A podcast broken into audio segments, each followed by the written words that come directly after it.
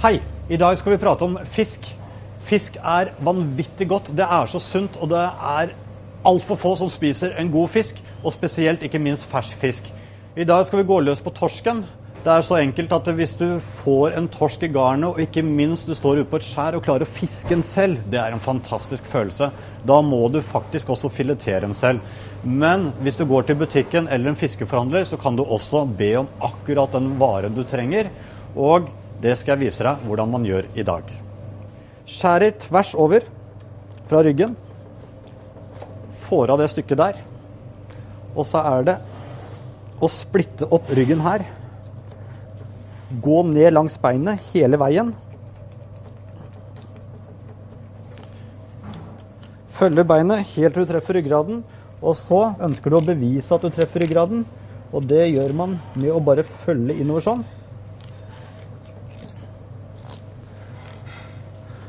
Skrape langs beinet hele veien.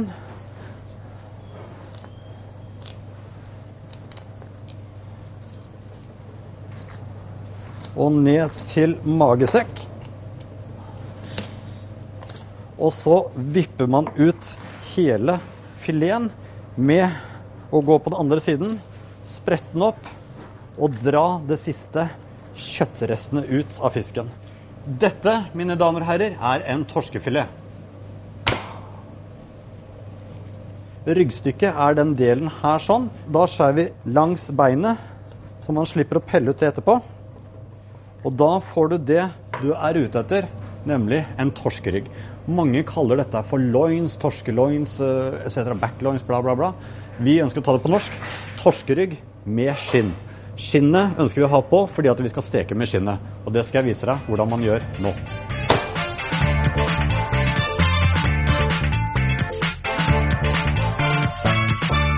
Da har jeg lyst til å vise deg en klassisk rest som egentlig min bestemor var vanvittig flink på. Det var torsk og stappe. Torsk og stap heter på Nordmøre. Vi velger å gjøre vår variant med torskerygg. Torskeryggen peprer den godt. Så kjører jeg på litt maldonsalt, som er kanonviktig. Klapper det litt inn. Og legger den i jernpanna, som har både olivenolje først, helt til den begynner å ryke, og så tilsetter vi litt smør på slutten. Olivenolje i panna. Legge på torsken. Her er det ikke så veldig farlig at den ikke ryker. For her skal den stå og godgjøre seg så den blir ekstra saftig. Måten man gjør det på, det er å legge et lokk eller aluminiumfolie eller hva du måtte være, og la den bake der. Potetstappe det er en vanvittig viktig greie. For all del, ikke bruk poser. Fordi at det er så enkelt at det er helt sykt. Bare koke dem i filler. Det beste er kanskje type mandelpoteter eller veldig melende poteter. Det jeg hadde i dag, det var nypoteter. Jeg har kun skrelt dem. Du kan også faktisk ha med skinnet på hvis du har veldig gode nypoteter med et tynt, tynt skinn. Så er ikke det noe problem i det hele tatt. Men i dag bruker vi disse potetene som vi har skrelt. Lar dem koke. De skal koke i filler. De trenger ca. tre minutter til, så skal jeg begynne å stappe dem. Grønnsaker, da kan du egentlig bruke det du har i kjøleskapet. Jeg har valgt en selleri. Det er alltid godt med selleri og fisk. Spesielt hvitfisk og selleri. Skjærer litt i strimler. Det samme gjør jeg med en nykål. Rett og slett i strimler. Har også en gulrot. Deler den litt i skiver, og så rett over i strimler. En purreløk. Alltid godt med purre. Også hvis man ser nå, så er det kanskje en eller annen farve som mangler. Har du et godt råd? Ah, takk skal du ha. Rødt. Gigobete, det er en morsom sak. Det er en blanding av nepe og rødbete. Se på den. Den har en veldig rosa, fin farve. Så det er bare å skrelle den sånn som dette her. Føre rundt. Drar av skallet. Skjærer den også i skiver. Og lager tynne staver. Når du blander dette her, så ser du at vi har en farve som vi er ute etter. Grønnsakene trenger olivenolje. Det bevarer farven. Og den trenger også litt smør. Det bevarer smaken. Vi heller grønnsakene oppi. Grønnsakene oppi de trenger bare et raskt rist. Så de er varme. Så bare lar vi de hvile. Så skal vi gå i gang med å lage potetstappa. Potetstappa, potetene er ferdige. De er helt jævlkokte. Det det handler om da, det er rett og slett å få ut vannet. Måten man gjør det på Helle ut vannet sånn til det har rent godt av seg. Sett potetene tilbake. Og la vannet få lov til å dampe skikkelig ut. Det er ikke vannet vi ønsker at det skal smake av en potetstappe. Det er poteter.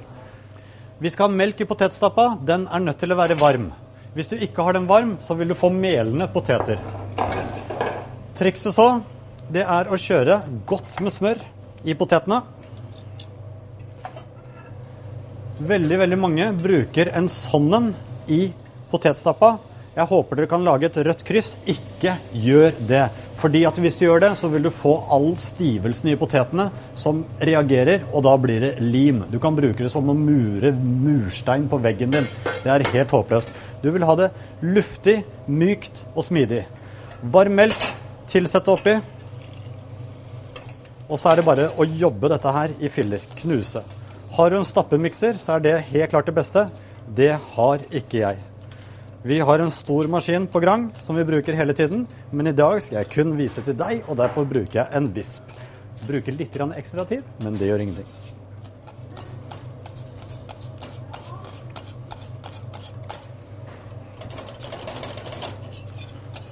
Når stappa di er så fin og luftig som denne her, så er det bare å tilsette litt salt og litt pepper. Serverer du denne her til barna dine, så vil alle barna rope Men hvis du skal servere til mannen eller kona di, så gjør det som følger. Litt wasabi. Parmesan.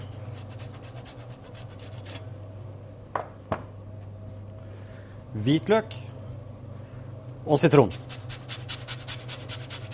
Da får potetstappa en helt annen smak. Den blir skarpere. Jeg syns selvfølgelig den blir bedre, fordi at jeg er ikke et barn. Men for all del, ikke putt det hvis barna dine skal ha den. Da skal vi lage en enkel saus til denne torsken. Og den er så god og så enkel at det er nesten hysterisk latterlig. Men den er eh, så å til hvit fisk. Du kan ikke få bedre. Det jeg har, er fiskekraft, bacon, brunost og melk. Gjerne bruk skummamelk eller lettmelk, slik at den eh, har en eh, bedre skumevne. fordi at vi skal skumme den suppa her sånn, og det er proteinene som vil lage skumma. Og da trenger vi ikke den der helmelken som er veldig mye fett, for da får den ikke det fine skummet. Jeg skal vise deg hvordan.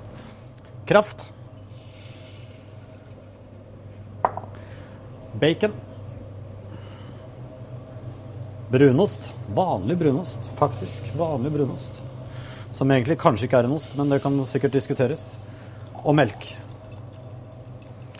Dette her skal kun ha et lite oppkok, så er sausen nesten ferdig. Da sjekker vi torsken.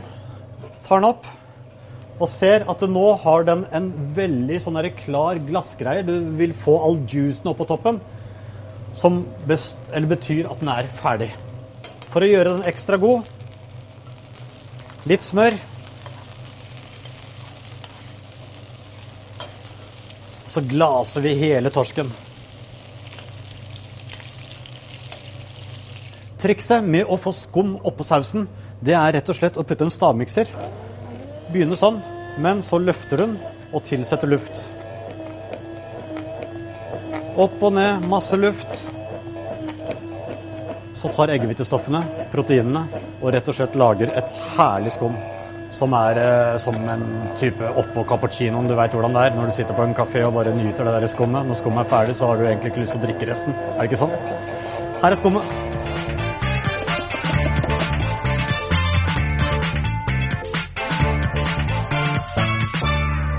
Vi legger opp. Vi begynner med en deilig potetmos. Legger på siden sånn. Grønnsakene gjerne putt inn i en kaffekopp. Det er kun for å få dem litt hardere og kompaktere, og ikke minst når du snur dem, så ser det litt bedre ut. Torsken forsiktig av.